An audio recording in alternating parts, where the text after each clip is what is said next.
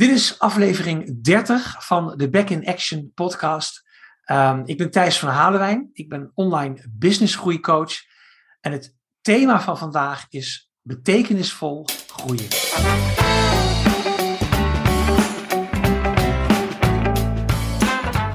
Welkom in deze aflevering van de Back in Action podcast. Mijn naam is Rita Vasen, ik ben yoga-docent en met mijn yogaschool Mind Your Body help ik mensen back in action te komen, weer soepeler in het leven te staan. En dat doe ik met yoga, dat wil ik door inspiratie doen, maar ook door verbinden. Nou, met yoga gaat het bij mij niet zozeer om allerlei fancy houdingen, maar vooral om yoga voorbij de houdingen. Wat voor inzichten krijg je door de mind en de body met elkaar te connecten? De inspiratie, daar is deze podcast voor bedoeld. Dus de inspiratie die ik hoop dat je vanuit deze aflevering, en ik weet zeker, want ik weet natuurlijk waar we het over gehad hebben. Deze intro doe ik nadat het gesprek is geweest. Het is echt een heel boeiend gesprek. Zorg dat je de hele aflevering meeluistert. En dan het verbinden, dat wil ik doen via de live lessen, via de beep-lessen, via de Zoom-lessen. Dus gewoon door de lessen zelf en door de Q&A's die één keer in de maand gehouden worden. Maar ook door de community die eraan zit te komen, de community tab binnen de app van Mind Your Body. Waarbij we elkaar kunnen gaan ontmoeten en elkaar kunnen inspireren, dingen kunnen delen. En we met elkaar in gesprek kunnen zijn langs die weg. Dus niet alleen Harderwijk, waar mijn studio is, maar in de rest van Nederland mensen meenemen. Um, en weer back in action zien te krijgen. Goed, nu even over Thijs. Ik heb Thijs dus nodig gehad om die dingen die in mijn hoofd zaten, die, ja, het voelde een beetje als een brei van dit wil ik niet meer, maar ik wil het anders. Maar hoe dan? Uh, om dat vorm te geven en dat op de website te verkondigen. Want het moest natuurlijk anders worden. En daar heeft Thijs me enorm mee geholpen. De inzichten. Um, ja, daar als het ware handen en voeten aan geven. Dus niet alleen maar blijven hangen in. Zo wil ik het niet. Ik wil het anders. Daar daadwerkelijk eh, uitzien te komen. Uh, en ja, dat is zo fijn. Je hoeft dingen niet altijd in je eentje op te lossen. Dus soms is het nodig dat je even iemand inhuurt. En um, ik weet zeker dat wat wij nu bespreken in deze podcast, dat het jou ook erg gaat inspireren. En wellicht jou ook gaat helpen om zelf stappen te zetten als je merkt dat je ergens vastloopt. Um, ja, ik denk dat we het hier gewoon bij laten. Want Thijs gaat zichzelf even voorstellen. Wie is Thijs van Halenwijn? Veel plezier bij het kijken en luisteren. En of luisteren naar de Back in Action podcast, aflevering 30.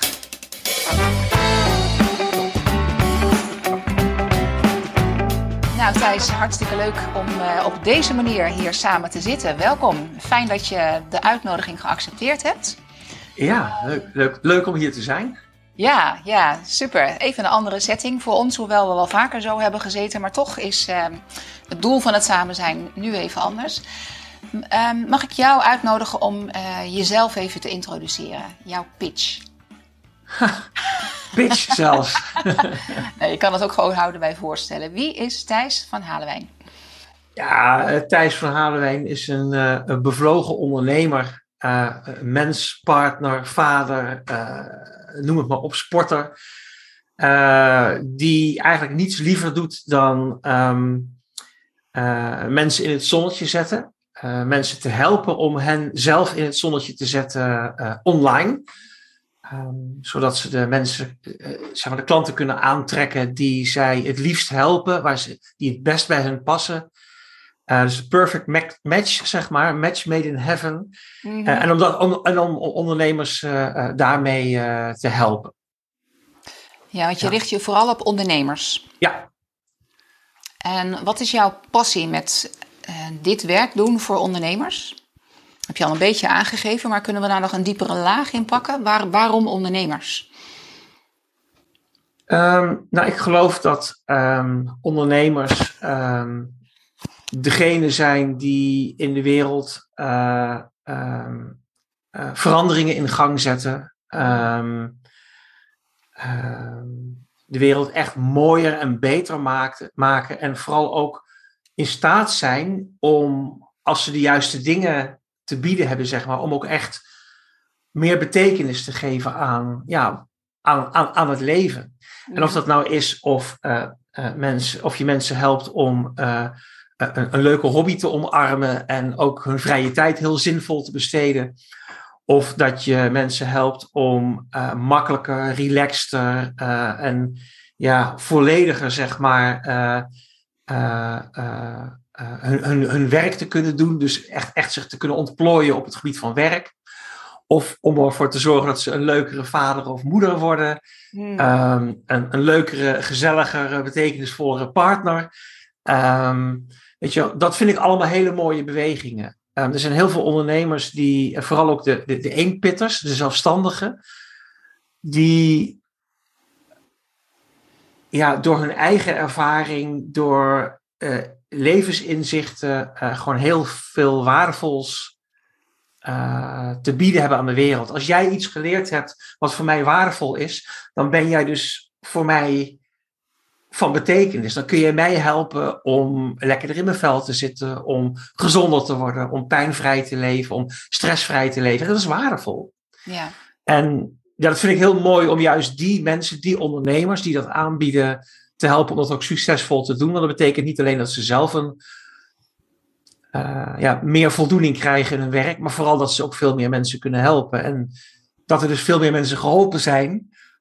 Ja, precies. Door hen. Katalyserend effect. Dat je... Ja, het is een soort, soort, soort uh, ja, ripple effect noemen de Amerikanen dat. Ja. Uh, ik vind het een beetje een modewoordje, maar, maar weet je, dat effect is wel heel mooi. Dat jij eigenlijk ook doorleeft in het leven van anderen doordat ze jouw gedachten goed omarmen of jouw inzichten kunnen omarmen, daardoor sneller leren mhm. of ja, sneller hun plek in de wereld vinden. Ja, en um, jouw, want je bent natuurlijk niet begonnen op deze manier, want jou, jouw titel, eh, ik heb nog even teruggekeken, volgens mij noem je jezelf uh, online business coach. Wat, wat is, wat, hoe, hoe, het is altijd lastig hè, om iets wat toch redelijk nieuw is, om daar een, uh, nou ja, omschrijving aan te geven. Worstel ik zelf ook nog steeds mee. Wat ben ik nou eigenlijk? Ja, nou, de, mijn precieze titel, tussen ja? aanhalingstekens, is Business Groei Coach. Is online business groei. Maar dat online hoort er dus bij, hè? Dus het is niet. Het online hoort erbij. Ja. Uh, um, en en uh, dat, dat wordt ook steeds belangrijker. Um, um, en ja, businessgroei betekent uh, dat jij als mens kan groeien, maar ook in je bedrijf kan groeien. en ja, ik vind vooral het Engelse woord daarvoor heel mooi. To flower. Uh, um, zoals een, een, een bloem ook, zeg maar, groeit en bloeit zoals die bedoeld is. Dus een paardenbloem is bedoeld om een paardenbloem te worden met hele mooie gele ja, ja. Uh, blaadjes. En dat uiteindelijk om te vormen. Dat is een pluizenbol die we weg kunnen blazen. Uh, dat hebben we natuurlijk allemaal als kind gedaan natuurlijk en nog. Ja. ja. um, En, en, en, en, en, en als je kijkt naar de natuur, uh, dat is altijd een hele mooi, mooi, mooi voorbeeld kun je eruit halen. Uh, een, een boom of een plant, of, of natuurlijk ook dieren, die, die groeien precies op zoals ze bedoeld zijn. Ja. En, en ik geloof wel dat uh, de mens, jij als mens, en, en met wat je meegemaakt hebt, wie jij bent, wie jij, dat, dat er een bepaalde groeipotentie in jou zit.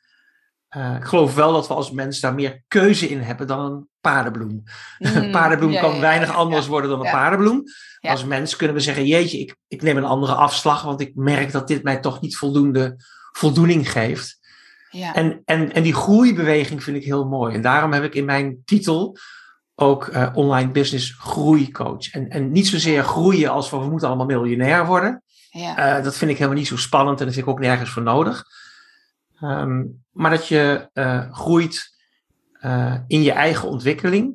Uh, en, en vooral ook op een manier die past bij ja, wat ik dan ook noem de blauwdruk, zeg maar, die jij hmm. meegekregen hebt. Hoewel, nogmaals, die bij een mens veel diffuser is en veel minder vastomlijnd dan bijvoorbeeld voor een eikenboom of een kastanjeboom. Of een ja, Want die kan maar één ding worden. ja. Het is wel een, een hele belangrijke toevoeging. Um, en wat misschien ook wel, eh, als ik jou weer zo hoor praten, denk ik: oh ja, ik snap nu wel weer waarom ik je heb uitgenodigd voor de podcast. Want we zitten natuurlijk, de luisteraars voor, van deze podcast of kijkers zijn niet per se alleen maar ondernemers. Nee. Maar de brug vind ik wel dat wat jij daar nu weer zegt, van je, het tot bloei komen en de keuzemomenten die we hebben allemaal, daar, ehm, ja, daar zag ik wel al in voordat, we, um, nou ja, voordat ik met jou ingestapt ben in een programma om mij ook tot bloei te laten komen, als het ware. Ik was zo aan het zoeken, hè, van wat voor kant moet ik uit? Er is zoveel veranderd in mijn uh, business, veel meer online. Maar hoe krijg ik dat dan vertaald En je hebt me helpen zoeken. Ehm, dus dat, ehm, dat, dat groeien, wat je daarin noemt, is inderdaad gewoon ja, zeker een belangrijke toevoeging. Ja, ja en, en kijk, er valt bijvoorbeeld weinig te coachen aan, nogmaals, een paardenbloem of een eikenboom. Je hmm. kunt ze eh, voldoende water geven.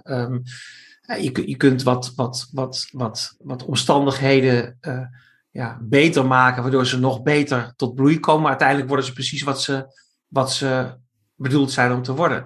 En bij mensen is dat natuurlijk veel complexer, maar daardoor ook wel veel interessanter. Ja. En ik vind het altijd heel erg leuk, en dat is echt wel een passie, um, om bij ieder mens uh, te kijken, wat, wat zit jij te willen? Hmm. Zoals ik dat zelf noem. Uh, dat klinkt misschien gek, maar zo, zo, zo zeg ik het in mijn eigen hoofd. Um, wat zit jij te willen? Dus als, ja. als Hè, we hebben een, een, een traject achter, achter, de rug waarin ik jou gecoacht heb, inderdaad. En, en voor mij was elke keer weer opnieuw de vraag: wat zit, wat, Rita, wat zit jij nou te willen? waar wil je heen? Waar word je warm van? Waar, ja. uh, um, um, waar, waar, knap je op af? Waar, waar, waar zie ik je een beetje uh, in elkaar krimpen omdat het je niet lekker zit? En waar zie ik je in één keer weer los uh, komen en, en, en dat er weer een glimlach op je gezicht komt? Dus het is ook heel erg een kwestie van um, lichaamstaal lezen, maar ook luisteren, um, ook nadenken. Soms moet je het even loslaten en uh, weet je wat, denk ik tussendoor ook, ook over uh, mijn klanten. Um, en wat natuurlijk, dat vind ik gewoon een hele mooie beweging inderdaad. Ik ben momenteel een beetje ja, aan het induiken. Het, het, het woord soeverein of authentiek? Of um, ja, wie ben je nou eigenlijk precies van binnenuit? En ik denk dat dat wel een begrip is wat niet alleen bij de online ondernemer hoort, maar bij zoveel mensen. Heb je daar ideeën over? Hoe kunnen we, je hebt het zelf al aangegeven, hè, dat is een soort van DNA wat we allemaal hebben. Hoe, hoe komen we daar, heb je daar ideeën over, meer mee in contact? Met, hè, als we inderdaad op zo'n keuzemoment staan, weet je überhaupt, um, kunnen we herkennen als er een nou, splitsing als het ware voor onze neus is? Ja, um, dat is best een grote vraag. Ja, hè? ja, ja. Nou, maar ik dacht, en, en, en, heb jij er wel ideeën over. Dat is wel, dat is wel jouw kracht, maar goed, dat is ook wel een lastige misschien. Maar goed, ja, probeer eens. Ja, want, want ja. Uh, dan, dan raak je wel op iets wat, wat ik zelf heel moeilijk vind om, om uit te leggen. Hè? Gewoon mm. bekende uitspraak van, ja, hoe, hoe leg je uit uh, hoe een aardbei smaakt aan iemand die nooit fruit gegeten heeft? Dus hoe kun je iets wat heel groots is uh, vatten? Um, kijk, het begint ermee dat we leven is trial and error. Um, natuurlijk hebben we, uh, als we opgroeien, mensen om ons heen um, die ons daarbij helpen. en hoe ouder je wordt, hoe, hoe, hoe, groter je netwerk wordt. Je hebt allerlei vormen van hulp die je kan krijgen, professioneel tot nou ja, eh, van spreken, de tandarts, de dokter, de, de psycholoog, de vrienden, uh, kennissen. Ja, ja. Op een gegeven moment wordt dat netwerk steeds groter. Zelfs je kinderen. En je eigen kinderen ook weer. Ja, ja, ja, absoluut. Je, je kleinkinderen wellicht uh, op een gegeven moment. Ja. Um, dus, dus wat dat betreft is het is, is, is leven ook trial and error. Ik, weet je, we, we doen alsof het leven ongelooflijk maakbaar is, maar ik geloof mm. dat het voor 80% niet maakbaar is. Dat er gewoon wetmatigheden zijn en dat er allerlei krachten zijn waarin we um, uh, hooguit mee kunnen stromen, maar uiteindelijk ook niet heel veel in kunnen sturen. Tegelijkertijd geloof ik wel, eh, en dat heb ik zelf ook ervaren, dat zie ik ook bij de mensen om me heen, um, dat door die trial and error vanzelf op een gegeven moment duidelijk wordt van hé, hey, nou loop ik voor de derde, vierde, vijfde keer hier tegenaan. En dat is natuurlijk wel een belangrijk signaal. Uh, en, en dat signaal ben ik wel steeds beter in geworden om dat ook serieus te nemen. En dat zie je um, ook als, bij anderen gebeuren. Ja, absoluut. Als, coach. En, en, wat, wat zie je dan? Hoe kunnen we daar zeg maar naar meer mensen mee helpen? Van, wat zijn dan de signalen waarop je eigenlijk bij een ander ziet? Ja, maar nou loopt het toch helemaal niet? Of, of wat, ja, wat is jouw. Wat voor tools heb jij daarvoor? Of kunnen we ja, met jou meeliften als het ware, met jouw kennis en ervaring? Ja, kijk, ehm, als het gaat om de situatie waarin ik mensen coach, dan uh, heb ik natuurlijk direct contact met ze. En het voornaamste wat ik doe is vragen stellen. Hmm. En door vragen te stellen um, uh, krijgen mensen zelf, vanzelf al helderheid. Dus door antwoorden te geven, krijgen ze, horen ze zichzelf praten, krijgen ze vanzelf al een stukje helderheid. Ja. Um, en dat komt natuurlijk heel erg uh, ja, door, door die interactie. Uh, maar, maar, maar, vragen stellen is eigenlijk misschien al de beste tool uh, die, die er is als, als, als het gaat om het leven en om verder te komen. Ja. Van hoe komt het dat iets niet werkt? Hoe komt het dat ik me hier aan stoor? Hoe komt het dat ik zo heftig reageer op iets heel kleins mm. wat iemand zegt, waarvan achteraf bleek van God was eigenlijk helemaal storm in een glas water. Um, ik noem het altijd een rode um, knop. Hoe komt het dat ik een gevoel. Ja, maar hoe, hoe, hoe komt het dat, dat ik het gevoel heb dat ik vastloop? Um, Wat is dat dan, dat gevoel dat ik vastloop? Dus het gaat ook heel erg om jezelf vragen te stellen. En ja, kom je er zelf niet verder mee, dan kun je natuurlijk de hulp van anderen uh, uh, inzetten. Um, ja. Maar vragen stellen is misschien wel een van de belangrijkste. Alleen het is altijd wel belangrijk om te kijken, wat is dan het antwoord? En wat moet ik met het antwoord? Dus alleen maar vragen blijven stellen de rest van je leven. Ja, weet je, dan kom je er ook niet. Dus uiteindelijk is het um, ook een kwestie van, oké, okay, hoe, hoe, hoe, hoe uh, wat komt eruit? Welk inzicht komt eruit? Maar welke acties ga ik dan daaruit uh, in gang zetten? Ja. Ja, want in, inzicht is niks zonder actie en actie is niks zonder inzicht. Uh, ja. Dat vind ik ook een heel belangrijk thema. Als je alleen maar inzicht ja. hebt, hmm. um, dan zit je bij wijze van spreken met gekruiste benen hoog op een berg en jij ziet het allemaal voor je, maar je staat niet in contact met de plek waar ook de actie plaatsvindt. Ja. Oftewel, het is heel mooi dat je die rust in jezelf vindt. Het is heel mooi dat jij helderheid hebt. Maar ja, wat ga je ermee doen? Want mm. misschien kun je er anderen mee helpen. Misschien ja. kun je uh, je eigen leven nog meer vormgeven, zodat meer mensen daarin uh, uh, on onderdeel worden. Terwijl tegelijkertijd, als je alleen maar actie, alleen maar op de actie zit, dan word je kip zonder kop. Ja. Ja. dan, dan is het doen, doen, doen, doen en, en, en nooit nadenken over. Dus ik, die, die combinatie is heel belangrijk. Hmm. En dat is ook hoe ik mezelf, uh, zeg maar, manage, tussen aanhalingstekens. Um, en misschien ook wel hoe ik anderen manage. Ik manage niet mensen, maar je snapt wat ik. Hè, dus ja. hoe, hoe, je ze daar brengt waar ze uiteindelijk zelf uh, zijn willen. Het is toch een kwestie van vragen stellen, inzicht krijgen vanuit inzicht. Oké, wat zijn dan de acties die ik nu ga uitvoeren? Um, en ja, dan komen ook dingen van de grond. Um, en dan krijg je ook de voldoening die je deep down zoekt. Ja, dichter bij jezelf ook bent en meer vanuit um, ja, nieuw balans kan handelen, meer vanuit wat nou ja, goed voelt. Wat een soort, nou ja, wat je net al zegt, op het moment dat je ziet dat iemand straalt. En, maar, maar daar zit hij dus. En, en die bloei tot, of die bloem tot bloei kan komen. Ja. Maar hoe weet je nou, of hoe, hoe, hoe, uh, hoe voelt dat misschien ook wel um, als je uit balans bent? Als je voelt, ik zit nu. Je kan op een aantal manieren uit je comfortzone raken. Uh, dat kan zijn omdat je inderdaad gewoon volledig vastgelopen bent, maar het kan ook die trial and error zijn. Dat je gewoon eens even iets anders probeert, dus over een andere boeg. Um, ja, dat, dat uit je comfortzone stappen is ook een kwestie van durven, lef hebben en gewoon maar gaan. Ja, ja kijk, het leven is per definitie trial and error. Dus, dus ja. je moet gewoon dingen proberen en daar horen fouten bij, dan gaan mm. dingen mis. Ja.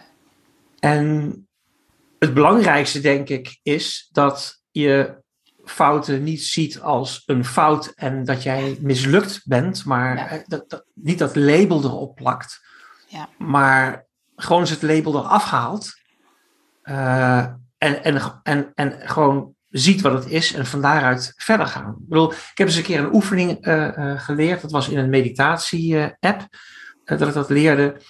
Um, het mediteren, dan, dan, dan, dan leer je te focussen op wat er is, op je ademhaling uiteindelijk en op, op je lichaam.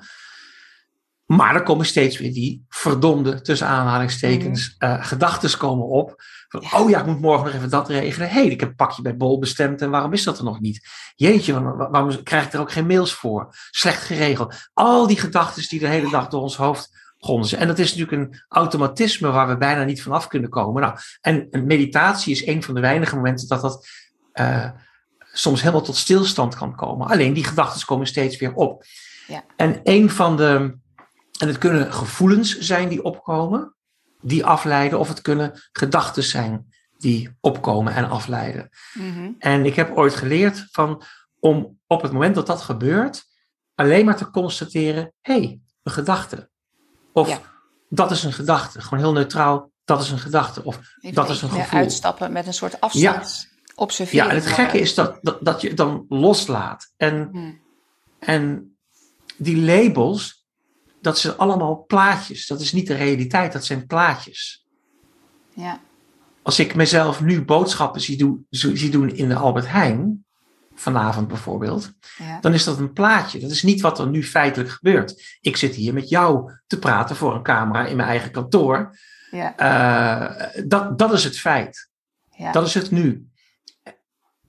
En, nou ja, je probeert inderdaad, het, het, het, de gedachte is niet waar je op dit moment bent. Dat, dat, dat wil je hier volgens mij zeggen. Hè? Ja. ja. dus de kracht van het nu is natuurlijk ook een belangrijke. Hè? Want ons, ja, we kunnen ons inderdaad in het verleden blijven hangen met dingen die allemaal gebeurd zijn. Of wat deze dag is geweest. Of in de toekomst verdwijnen met, oh jee, met allemaal, uh, nou ja, wat als. Ja. Uh, en het is zo mooi als we hier in het nu kunnen zijn. Ja, jij gebruikt daar dus meditatie voor. Heb je nog andere um, dingen die je helpen om in het hier en nu te zijn? Ik heb van alles bestudeerd. Ik heb astrologie bestudeerd. Ik heb twee jaar op school gezeten bij Krishnamurti. Moeten mensen maar eens opzoeken. Jiddu Krishnamurti is een spiritual teacher van de vorige eeuw. Ik heb twee jaar mee uh, gediscussieerd uh, elke week uh, met, met een groep leerlingen. Um, ik heb uh, op mijn zestiende, zeventiende las ik de I Ching. Was ik met munten aan het gooien om te kijken welk teken hoort vandaag bij me. Daarvan ik snapte er geen hout van, maar ik vond het wel waanzinnig interessant. Want is... Ik ben er weer mee gestart met de I Ching. Oké. Ja, ja, dat is een app op mijn telefoon. Oké, ja, oh, ja, tegenwoordig is het natuurlijk een stuk makkelijker. Dat, toen en, was het nog een hele vervolgens lezen we het boek even van wat hoort erbij. Ja, oh ja, ja. Um, Weet je, en, en alles van, laatst heb ik weer filmpjes gezien over EFT, de technieken van tapping en, en, en, oh en dat soort dingen, om jezelf of in slaap te brengen of om dingen te verwerken, et cetera. Vond ik ook waanzinnig interessant. Gedachten en patronen, overtuigingen te veranderen, is dat voor een voornamelijk om. Ja, ja, ja. Mhm. Ehm, eh, hypnotherapie. Ik zelf ooit ook wel eens één of twee sessies uh, uh, meegemaakt. Familieopstelling heb ik een paar keer meegemaakt. Hmm. Weet je, ik vind het allemaal waanzinnig interessant. En um, ik denk dat er gewoon heel veel wegen zijn die naar, naar Rome leiden. En ja, ik ben wat dat betreft echt wel een. Um, een um, uh, hoe noem je dat als iemand heel breed georiënteerd is? Uh, een, een, een generalist. georiënteerd. Ja, generalist. generalist, oké. Okay, ja, ik vind ja. alles. Ik, weet, ik heb iets met talen, ik heb iets met exacte dingen, ik heb iets met. Als er weer iets in de economie gebeurt, dan vind ik het ook leuk. Niet al te veel, ja. het hoeft mij niet te gedetailleerd. Maar om gewoon even te weten, wat is nou die onderstroom die, daar, die daarin zit en wat kan ik daarvan leren? Ja. En um, ik denk dat we van, van iedereen wat kunnen leren. Uh, mm. ook, ook van mensen die hele andere meningen hebben of hele andere dingen uh, uh, doen dan, dan, dan wij, waar wij zelf voor kiezen. Bijvoorbeeld, ik heb destijds, was ik dienstplichtig, ik heb geweigerd. Mm -hmm. um, maar ik heb een waanzinnig filmpje laatst gezien van een generaal. Die iets zei over uh, uh, dagelijkse routines. Mm. En ik heb daar iets van meegenomen. Dus ik leer ook van mensen waarvan ik zeg: ja, eigenlijk wil ik daar niks mee te maken hebben. Uh, ik, ik ben daar op tegen, om het maar zo te zeggen. Ja. Um, en ik denk dat dat ja, dat is wel iets wat ik van, met de paplepel heb ingegoten gekregen, denk ik. Bij, ik kom echt uit een, uit een, een nest van mijn vader en moeder. Uh, waren allebei heel open en, en, en, en, en vergevingsgezind naar anderen. Uh, heel, heel sterk tegelijkertijd. uh, ook een hele duidelijke eigen mening, maar ze stonden altijd open, ook voor zeg maar, de zwarte schapen in de familie, of weet je, Mm. mensen die er een beetje bij hingen. Ehm, bij mijn ouders eh, eh, waren die altijd welkom. En ze bleven altijd openstaan eh voor, ehm, eh, voor die mensen. Je merkt het, raakt mij. Ja, ik om over het te praten. Ja, ja Ehm, wat mooi. Wat, wat raakt je nu dan? Nou, omdat dat ook iets is wat kennelijk heel, heel diep in mij verankerd zit. Dat dat ook een hele belangrijke, dat ik dat een heel essentieel iets vind in het leven. Dat we eh, zelfs door onze verschillen heen Ja, de mens erachter zien. En Ja. verdorie, achter de grootste hmm, K-sterretje, nou ja, vul maar in. eh, vul maar in, ehm, zit ook een mens. En dat Ja. betekent niet dat je het gedrag goedkeurt. Dat betekent niet dat bijvoorbeeld mensen die iets fout doen niet gestraft moeten worden. He, zo heel moord maar raken en ach, ik vergeef je wel. Dat is natuurlijk veel te kort in de bocht. Dat, gaat, dat slaat nergens op. Hè, want, want er moeten ook grenzen zijn. Hmm, Maar het psychologische label ehm ontdoe mensen ook van het psychologische label waar we het eerder al over hadden. En, en, en, en kijk onbevangen naar wie ze zijn. Het zijn ook mensen die zoeken naar geluk. Het zijn ook mensen die zoeken naar vriendschap. Het zijn ook mensen die zoeken naar voldoening. Ehm, en 99% van de mensheid zit zo in elkaar. Hè? Je hebt dat hmm. prachtige boek De meeste mensen Ja. deugen. Ja. Ehm, Hier, eh, op een, ik Ja. wijs naar boven, want daar is mijn boekenplank. Dus hij ligt ja, ja, oh ja. ja, ja.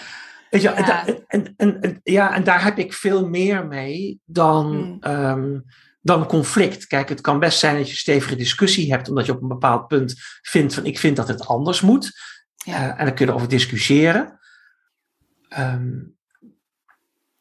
Maar het is wel iets wat natuurlijk momenteel heel actueel is, hè, wat je daar allemaal Ja. zegt. Ehm, Ja. Ik worstel daar zelf ook heel erg mee, want het is best. ehm, nou ja, dus we staan met, met groepen zo tegenover elkaar. Het is zo moeilijk om daar weer overheen te kijken en elkaar weer te vinden in wat gemeenschappelijk is.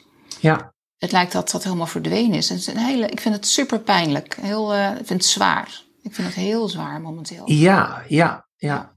En, en, en dat motiveert mij nog meer Mm, om, als het dan even gaat op het werk wat ik doe, om mensen ertoe uit te nodigen om vooral ehm, ehm, zeg maar pure persoonlijke marketing te gebruiken om zichzelf tussen aanhalingstekens te verkopen. Dat klinkt wat plat, jezelf verkopen, maar je hebt iets waardevols te bieden aan mensen, iets wat verbindend is, iets wat eh, meer betekenis geeft aan het leven, wat gaat om eh, die verbinding terugkrijgen met elkaar, begrip hebben voor elkaar. En, en, en, en, en dat is ook waarom ik zo graag eh, die ondernemers help. mm, ja, Anders dan bijvoorbeeld ondernemers waar ik iets minder mee heb, zijn mensen met een webshop. Ik zeg wel eens ge- gekscherend van ja, ik, ik heb niks met mensen die bijvoorbeeld een webshop hebben in iPad-hoesjes. Waarom niet? Ja. Omdat ik vind dat er genoeg iPad-hoesjes in de wereld zijn. En ik niet geloof dat het mijn taak is om ervoor te zorgen dat er nog meer iPad-hoesjes verkocht worden. ja, ja. Terwijl, we hebben ook iPad-hoesjes. Het is heel fijn dat die dingen er zijn. eh, hè? Ja. Dus, dus ik ben er niet op tegen. Dat gaat te ver. Maar, maar, maar, maar die beweging zit vooral ook in mensen helpen. Ja. En ja, in mijn geval kies ik er dan voor mensen te helpen die daar hun geld mee eh, verdienen. Maar ik vind elke beweging die gaat over anderen helpen, vind ik mooi. Ja. Het is grappig, want je legt mij een heel aantal vragen in, in de mond door de, door de reactie. Maar ik heb er al vier opgeschreven. Die had ik ook al op een lijstje. Maar ik denk, oh ja, daar wil ik op aanhaken. Shoot. Maar je kletst zo lekker door, dus ik laat je gewoon rustig uitspraken. Ja. Ehm, want even helemaal terug naar wat je zojuist zei. Die, ehm, voordat je eigenlijk al begon met eh, het dienstweigeren, wilde ik je afvragen: heb jij een ochtendroutine? En toen begon je ook met. eh, dus misschien kunnen we die combineren. Je, je hebt geweigerd, maar je kwam iets tegen van een generaal-majoor, weet ik veel wie.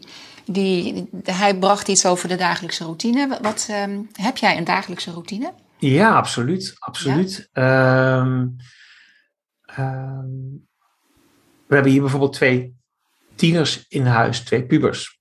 Welke leeftijd zijn ze? Eh, die zijn 15 en 17. Oh ja. ja. En hun rooster is vaak gatenkaas, zeker nu. Ja. Uh, dus dat, dat geeft heel veel onrust en onregelmaat.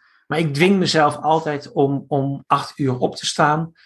Uh, soms iets eerder als de jongens iets vroeger moeten zijn, maar uiterlijk om acht uur op te staan. Om ervoor te zorgen dat ik om negen uur uh, mijn dag kan beginnen. Um, wat ik doe, ik loop even naar buiten, tien minuten, even een rondje lopen. Uh, dan ga ik even rustig een kwartier of twintig minuten mediteren. Uh, ik kijk op mijn briefjes, ik wijs hier naar opzij, maar ik wijs naar mijn magneetbord waar uh, briefjes hangen over mijn focus, mijn visie, wat wil ik dit jaar bereiken, wat wil ik over een paar jaar bereiken. Oké, okay, dus niet een lijstje met things to do, maar meer een, een, nee, nee, nee, een aantal nee, ik, hoger wellicht, maar ja. Ja, hmm. ik ga eerst dieper naar wat heb ik te brengen in de wereld en vervolgens is dan de vraag, um, oké, okay, wat heeft mijn bedrijf vandaag nodig om dat te Hmm. kunnen bereiken? Ja, ja. Um, en dan pas maak ik een lijst van de dingen die ik uh, bereikt wil hebben. Dus ik maak niet een to-do-lijst, ja. maar ik maak een lijstje, die heb ik hier ook uh, hangen. Okay. Met, waar zes punten op staan en um, maximaal zes dingen die ik op een dag bereikt wil hebben. Mm -hmm. En um, wat ik dan doe is uh, vanuit de vraag: wat heeft mijn bedrijf vandaag nodig? Of wat moet ik vandaag doen in mijn bedrijf om ook hè, mijn doelen te bereiken? Um, daar komen altijd ja, maximaal zes dingen uit die ik vandaag bereikt wil hebben. Um, en dat zijn dus eigenlijk altijd zakelijke doelen? Of heb je daar ook persoonlijke doelen op zo'n lijstje staan? Um, dat, dat zijn, dit zijn mijn zakelijke doelen. Ja, ja. ja. En los daarvan, in de weekend heb ik een ander lijstje. En dan, of ik heb een Trello, of, of weet je wel, dan heb ik andere dingen. Ja, ja. Um, en ja, dat, dat, dat helpt mij enorm. Um, maar ik, ik, ik heb ook de routine om. Ik ga op een bepaalde manier om met wat ik op zo'n dag wil bereiken. Ik, ik schrijf dus maximaal zes dingen op taken die ik bereikt wil hebben. Ja. Ik schrijf ze ook op op een manier van ik heb dat en dat bereikt. Kan je daar een dat voorbeeld dat van staat... geven? Ik weet niet of je iets hebt staan. Wat, uh... Ja, ik, heb, um, ik ben op dit moment bezig met een studie. Um, en ik heb uh, module 5 vandaag afgerond en acties uh, die daaruit komen genoteerd of bepaald. Hmm. Dus een soort planning, zeg maar. Dus de tijdlijnen uh, duidelijk gemaakt. Dus ik heb, ik heb kennis tot me genomen, geprocessed en, en, en ik heb het dan op het eind van de dag heb ik het omgewerkt naar een actieplan, zeg maar. Ja, dus en eigenlijk... eigenlijk jezelf ook een soort van um, helpen om niet alleen maar die taak te noteren, maar misschien ook al richting het resultaat of zo, waardoor die taak Juist richting het resultaat. Voelt. Dus het is niet ja. wat ik moet doen, ja. maar wat heb ja. ik dan, wat, wat, welk punt heb ik vandaag bereikt ja. op dat vlak? In plaats van een takenlijstje, wat we allemaal geneigd zijn te doen, inderdaad zo'n to-do-list, meer kijken naar, maar als ik het gedaan heb, dus daar overheen kijken, wat brengt het me? Ja, Ja. mooi. Dus bijvoorbeeld, um, ik heb twee uh, klanten aan wie ik vandaag feedback uh, moet geven. Hmm. Die hebben iets gestuurd en in het traject dat wij doen geef ik persoonlijke feedback daarop. En, ja. um, um, en dan staat er niet uh, feedback geven aan, nou in dit geval Janine en Inge, Ehm, maar feedback gestuurd aan Janine en Oh Inge. ja, ja. Dus- niet dat je het nog moet doen, maar het is afgerond. Ja. En als ik het Ja. afvink, dan is het ook echt klaar. Dus ik, ik, ik, ik, ehm, er staat bovenaan ook niet wat ik moet doen, maar er staat wat ik vandaag volbreng. Maar dat zijn dat soort kleine dingen, die zijn wel heel krachtig natuurlijk, hè? Ja. Ja. En, ja. dat, en, en als je me dan vraagt, waar heb je dat vandaan? Nou, Mhm. deze weet ik al niet eens meer, maar op een gegeven moment, ik ben een soort spons en overal hoor ik wat Ja. gonzen. Mensen geven losse tips. Internet staat, internet staat tegenwoordig vol. Ik heb een aantal kranten-apps op mijn telefoon die ik elke dag eventjes snel doorneem. Uh, Ja. je, je kijkt het nieuws, um, uh, je spreekt vrienden. Um, het kan overal vandaan komen. Het leven is continu zwanger van waardevolle informatie en waardevolle tips. Ja. En dat is natuurlijk, dat, zeker nu met internet, is dat, is, dat, is dat een zegen. Er zitten ook negatieve kanten aan, Ja. maar in zichzelf is dat Ja. ook een zegen. En die pluk ik, die gebruik ik. En um, um, Ja. Het, um, even terug naar, je hebt uh, geweigerd het dienst. Had je daar principiële gronden voor, kan ik me zo Ja. voorstellen? Ik weet niet of je daar... uh, ja. Ja, bij mij was de kern dat ik eh, moeite had. Met, ik had niet zozeer moeite met dat je je soms moet verdedigen. En zelfs ook niet dat het soms met wapens moet als het niet anders kan. Mhm. Want als de ander echt niet voor reden vatbaar is, dan, ja, dan denk ik dat je weinig keus hebt. Dan kun je ja, hoog en laag springen, denk ik dan. Maar dan, dan, dan, dan zul je toch iets moeten. Ehm, ik had er wel moeite mee om dat in opdracht te doen van anderen. Van een apparaat zoals het militaire apparaat. Mm. Ehm, en ik dacht, ik ga vast. eh, ja, ik, ik, ik geef eigenlijk mijn autonomie op. Dat was eigenlijk mijn grootste bezwaar. En hoe oud was je toen je Ehm, die stap zette? Ja, 18, ik denk dat ik 19, toen zoiets? 19 was Ja. of zo. Ja. Dat was. eh, En zat je dan in een groep, ja. ehm, in een kring met vrienden of misschien vanuit je ouders, je opvoeding, die dat jou hielpen? Of, hoe, hoe was dat voor jou Nee. in die tijd? Gewoon Nee, echt- dat kwam eigenlijk. Ik had het ergens misschien wel, wel opgepikt, maar het was niet echt heel prominent in mijn omgeving. Mhm. Ehm, het bleek overigens toen ik dat uitsprak, dat er wel in mijn omgeving mensen waren die zeiden: Oh, dan ken ik wel weer iemand die dat ook, die ook geweigerd heeft en die kan je misschien helpen.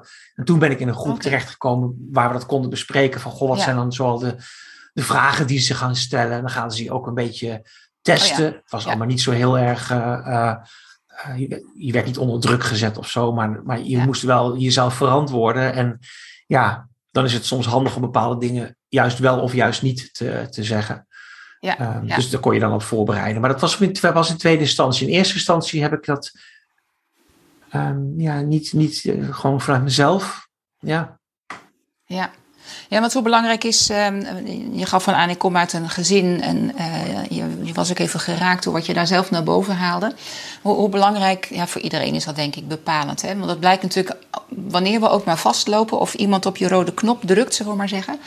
En jou, eh, even, niet specifiek jou, maar iedereen in zijn algemeenheid, je raakt door dingen die op je pad komen geïrriteerd of boos of eh, juist enthousiast. Hè. Er zijn allerlei reacties en die hebben heel vaak te maken met wat er vroeger eh, is gebeurd. Eh, een soort ja, pijnpunt of juist energiepunt, zullen we maar zeggen. Hoe, hoe, wat, wat is jouw ja, jeugdsituatie gezien waaruit je komt? Het nest waaruit je komt? Wat je nu nog, ja, waarbij je gewoon voelt dat komt omdat ik uit dat nest kom. Nou ja, ten eerste ehm, was bij ons thuis ongelooflijk veel mogelijk. Gezin van Hmm. vijf kinderen. ehm, eh, allebei ouders die, eh, die van de wereld eh, waren, zeg maar. Die gewoon wisten wat er gebeurde. Die gewoon goede voelsprieten hadden, zeg maar. Hmm. Overal ook een heel groot, grote vriendenclub. Ehm en er was, er was bij ons thuis eigenlijk van alles mogelijk. Je kon het zo gek niet bedenken of, of dat kon wel. En de een deed dit en de ander deed dat. En dat werd ook allemaal gefaciliteerd voor zover dat kon. Ehm, je werd erbij geholpen of er werd dus nagevraagd her en der of jij niet ergens ook dat iemand jou weer tips kon geven, et cetera. Bijvoorbeeld in mijn, in mijn hele vroege jaren was ik op een gegeven moment bezig met, met goocheltrucjes. Dat vond ik leuk. Eh, we hebben destijds Hans Kazan had ik op mijn verjaardag eh, gehad. Toen die was toen beginnend Oh ja? goochelaar. Ah, geweldig. Ja. En, eh, en ik vond het leuk. Dat was al omdat ik daar iets mee had. Ik had in een winkel een goocheltrucje zien hangen voor twee gulden of zo. En dat had ik gekocht. En dan was ik mee bezig. Vond ik gewoon leuk om te doen. Ja. Kreeg ik een keer een goocheldoos, et cetera. En op een gegeven moment toen sprak IJskazan. ja, en toen sprak mijn, eh, mijn, mijn vader in zijn praktijk, was huisarts. Eh, een hele goede, ook een hele empathische. Mm. En hij sprak een, een, een patiënt en eh, diens zoon ook weer, was wel een stuk ouder dan ik. Diens zoon die, die, die probeerde ook echt geld te verdienen met, met als goochelaar. En toen heeft mijn vader een keer gezegd van, goh, heb, ik heb ze gesproken en ik heb eens gevraagd van, goh, kan Thijs eens een keer bij jullie langskomen of bij die zoon, dat hij eens een keer kijkt, goh, wat, hoe, hoe, hoe werkt dat dan? En misschien wat tips krijgt. Maar dat soort dingen deden ze op een hele relaxte manier. Ook heel, ehm, ehm, ja, hoe moet je het zeggen? Nou, eigenlijk ook wel een beetje van wat, wat jij vanuit jezelf hebt, dat voeden of zo, dat meer tot bloei laten komen. Dat, dat ja. je heel vroeg. Ja, uh, ja. En, en, er niet iets instampen, maar kijken wat, hmm. wat zit er in, wat zit er de in het beestje, zeg maar, wat heeft hij nodig? Ja. Want um, en wat de een, leuk? Ja, mijn ja. broer was een enorme uh, studiebol. Die vond het heerlijk om zich vast te bijten, uh, in, in onderzoek doen en dat te doen. Mijn zus was veel meer van het sociale en die zat al uh, uh, had ze tien poppen om zich heen gezet. En die ging ze dan lesgeven. Die is later ook uh, lerares geworden, lerares Frans. Ja. En weet je, dat ieder zijn eigen dingen waar die zich in kon ontwikkelen. En, um, en dat, werd, dat werd gefaciliteerd. Dat vonden mijn ouders belangrijk. En ze vonden niet belangrijk dat, ze, dat wij hetzelfde gingen doen als wat zij deden. Nee, nee het ging erom dat jij ja. doet waar, waar, jij, ja, waar jij energie van krijgt. Ik denk dat dat nog het best samenvat hoe wij uit welk nest uh, ik kom. En ik denk dat het ook heel belangrijk is. Weet je wel, waarom zou je mensen dwingen tot iets, um, terwijl ze op een andere manier veel beter uit de verf komen en ook, veel, ook nog van veel grotere waarde zijn mm. voor andere mensen. Want dat is natuurlijk wat er aan zit. Het gaat niet omdat jij. Het gaat niet om ikke, ikke, ikke. En ik wil dit doen en ik ga de hele dag lekker postzegels verzamelen en sluit me af van de wereld, wijze van spreken. Maar het gaat erom van, hé, hey, maar dan heb jij anderen ook iets te leren. Hoe sorteer je die dingen? Hoe bepaal je de waarde van dingen? En daar kunnen anderen ook weer van leren, ook al verzamel je geen postzegels. Snap je? Dus ik, ik ben heel erg van, ja, er zit een soort, soort, soort holistische onderstroom die ik zie. Um, ja. um, iets wat jij geleerd hebt, Rita, kan voor mij heel waardevol zijn. Um, uh, en ik kan het officieel van jou leren door bijvoorbeeld hè, um, um, jou te betalen voor de diensten die je aanbiedt. Maar ik kan ook informeel van jou leren door een kleine opmerking die je maakt. En wauw, dat is te gek. En, en ik denk dat het belangrijk is, of ik vind het in ieder geval heel belangrijk om dat ook te koesteren. Mm-hmm. En dat is misschien wel iets wat ik van jongs af aan heb meegekregen. Maar koesteren, zelfs ook kleine dingen, kleine gebaren die mensen maken, kleine dingen die, waarmee we elkaar helpen. Ja. En ik denk dat dat heel kenmerkend is voor de mens, dat die in staat is om, we zijn tot, in staat tot verschrikkelijke dingen, maar we zijn ook in staat om elkaar op een hele mooie manier te helpen en verder te brengen. En, en, en dat kun je doen voor, door vrijwilligerswerk, dat kun je doen gewoon door een leuke relatie te hebben met je buurt, met je buren, et cetera. dan, ja. dan staat er niks tegenover, alleen je helpt elkaar. Uh, of zoals in mijn geval en in jouw geval, dat we bepaalde diensten aanbieden en daarmee verdienen. En dan is eigenlijk als je er goed mee verdient, een graadmeter voor dat jouw werk gewaardeerd wordt. En dus dat jouw werk ja. um, ook iets betekent in het leven van anderen. Daar komen we inderdaad uit. Dat vond ik ook nog wel een mooie vraag om jou te stellen. Heb jij een soort money mindset? Wat, wat heb je met geld? Ja, um, Specifiek jou hoor, maar ik vind het interessant om te weten. Want dat is natuurlijk ook in deze tijd. Hè? Want ik, ik heb dat zelf gemerkt het afgelopen jaar geld werd wel een dingetje. Um, als, als het er niet meer is, uh, ja. door dat wat er allemaal gebeurt, dan. Het is wel een soort basisbehoefte. En inderdaad, ik hoef ook niet meer, meer, meer. Als het er niet meer is, dan doet dat hele bizarre dingen met je. Uh, ja. En, en het, het geld besteden op een manier waarop je voelt. Wam, ik gooi het niet over de, over de. Wat noem je dat? Over de. weggooien. Wat is die term ook alweer? Over, over de, de balk. Over de, over de balk gooien, over de balk. Over de, over de brug moet je nagaan hoe hoog ik hem zag. ja. maar wat is waarde? Dat is lastig uit te drukken in geld. Maar hoe, hoe, hoe zit jij met in je hoofd money mindset? Wat, wat heb je daarmee? Ja, is op zich alweer een hele podcast uh, waard. Uh, als als onderwerp. En wat ik het allerbelangrijkste vind is dat. Um, kijk, geld. Met geld kun je dingen mogelijk maken laat zij ook iemand. Um, je kunt mensen pas echt helpen als je geld hebt. Of pas als je geld hebt kun je mensen echt helpen. Ik omarm dat idee wel. Mm. Um, er valt misschien meer over uit te leggen om het te begrijpen uh, hoe ik het bedoel. Maar dat ja. is voor mij wel de kern. Eens, want ik begrijp hem nog niet. Oké. Okay. nou kijk, op het moment dat ik um, zelf hard werk en mensen help, um, maar zelf op een minimumloon blijf hangen. Um, dan kan ik nooit bijvoorbeeld mensen helpen, uh, mensen gratis helpen. Ik kan geen scholarships aanbieden bijvoorbeeld. Mm. ik kan ook moeilijk kortingen aanbieden en zo. Want, want ja, dat, dan wordt het heel ingewikkeld. Want ik, ik, ik zit zelf tegen die ondergrens aan. Mhm. Neem eens een voorbeeld. Stel, um, je hebt een ideeën over hoe mensen geestelijk um, beter in balans kunnen zijn. Dan kun je een paar mensen helpen voor een klein beetje geld, zodat je net genoeg hebt. En dat is het dan. Dan heb je een paar mensen kunnen helpen. Maar stel je dan eens voor dat jij in staat bent om um, meer geld aan mee te verdienen. Dan kun je misschien een centrum opzetten voor bewustzijn. Mhm. Dan kun jij uh, een grens stellen van 90% moet gewoon het normale bedrag betalen. Maar mensen die het echt niet kunnen betalen, bijvoorbeeld 10% of 5%, kunnen tegen een enorm gereduceerd tarief meedoen. Waardoor je ook die mensen kan helpen. Je kunt ze uh, mooiere faciliteiten bieden. Je kunt misschien betere trainers inschakelen. Om ook nog op bepaalde specifieke punten ook nog weer mensen verder te kunnen helpen. Als jij dat geld hebt, kun je dat faciliteren. Um, en als je het beter kan faciliteren, dan is het leereffect groter, is het resultaat groter. En dus kun je mensen beter helpen. Ja. En dat zit op twee vlakken. A, dat je mensen beter kan helpen, maar ook dat je mensen, of dat je meer mensen kan helpen. En dus dat je meer impact in de wereld maakt op een positieve manier, zodat meer mensen geholpen zijn met wat jij weet.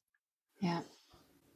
En ik zie dat wel. Um, als het ik... doet ook iets met motivatie, inderdaad. Hè? Ondergrens die je al neerlegt in plaats van maar gratis weggeven. Um, wat natuurlijk ook mooi is, en het is me zeker in de. mijn hond ligt hier onder de tafel, die zit tegen de camerapoten. Ja, ik zie het. De camera Dat was mijn hond, ja. die uh, is ook lekker bezig. Ah, oké, okay, ja. ja, heerlijk. Die heeft ja. het naar zijn zin. Ja. ja. Even kijken wat hij doet hoor. Oh nee, ligt, ligt weer lekker rustig.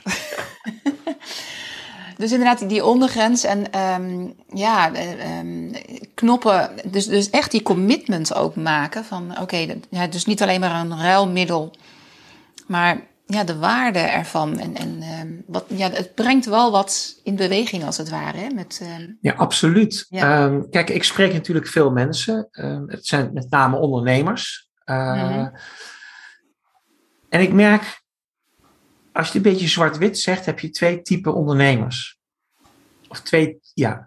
Um, um, de mensen waar ik het meest mee heb, zijn de mensen die ook die money mindset, zeg maar, omarmen. Van, goh, als je meer hebt, kun je ook meer bereiken, kun je meer positiefs uh, uh, doen. En ik ken er eigenlijk geen enkele die zegt, ik wil gewoon meer verdienen, want dan kan ik een groot jacht kopen of ik kan uh, een zwembad in mijn tuin. Of, of weet je, ik heb dat zelf nog niet meegemaakt. Ik weet niet, misschien heeft het te maken met wie ik aantrek of met wie ja. ik werk. Maar ik ken ze niet zo. Terwijl er genoeg mensen zijn die zeggen: joh, ik wil echt niet 50.000, maar 100.000 of 200.000 euro verdienen. Dat zijn best mooie bedragen, of nog, nog, nog meer. Ja, ja. Um, ze doen het eigenlijk allemaal vanuit die intentie om dan ook be- mensen, mensen beter te kunnen faciliteren, om hun werk beter te kunnen doen. Ja, meer impact, hè? Ja. En meer impact te maken. Ja. Er is een andere type ondernemer, en ik zeg het nu een beetje zwart-wit, um, want de scheidslijn is niet zo precies te trekken. Maar een ander type, en die spreek ik ook, dat zijn de mensen die um, zeggen: geld is niet belangrijk, ik doe dit niet voor het geld. Mm-hmm. En wat, daar, wat ik er vaak zie, wat daaronder zit, is dat ze eigenlijk moeite hebben om achter zichzelf te staan. Mm. Om ook geld te vragen voor een dienst die ook ja. past bij de waarde die ze bieden. Ja.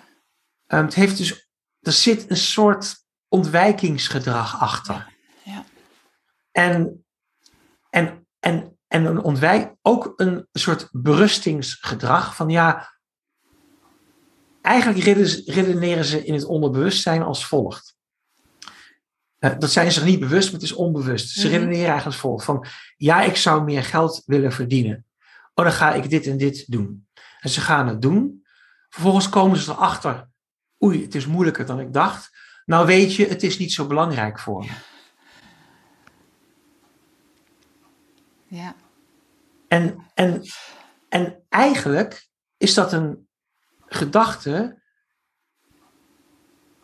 die ondermijnend is voor jezelf.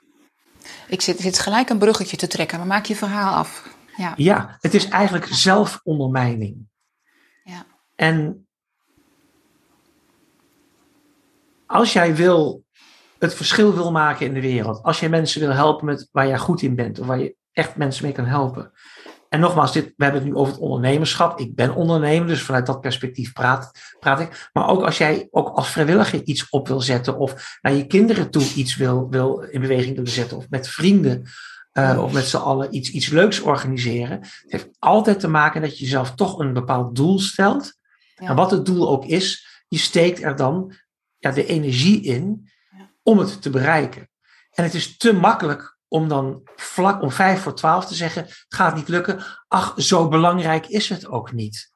Maar dan doe je dus niet recht aan al die weken, misschien zelfs maanden, misschien zelfs jaren, dat je vond dat je het wel wilde bereiken. Want immers, jij wilde het bereiken. Het was jouw idee. En dat heeft te maken, naar mijn idee, ehm, met trouw zijn aan jezelf. En dat vind ik een hele belangrijke. Trouw zijn aan jezelf. Ja, Stel jezelf een bepaald doel, wat het doel ook is, of een bepaalde intentie. En doe dan ook wat er nodig is. Do whatever it takes. ja.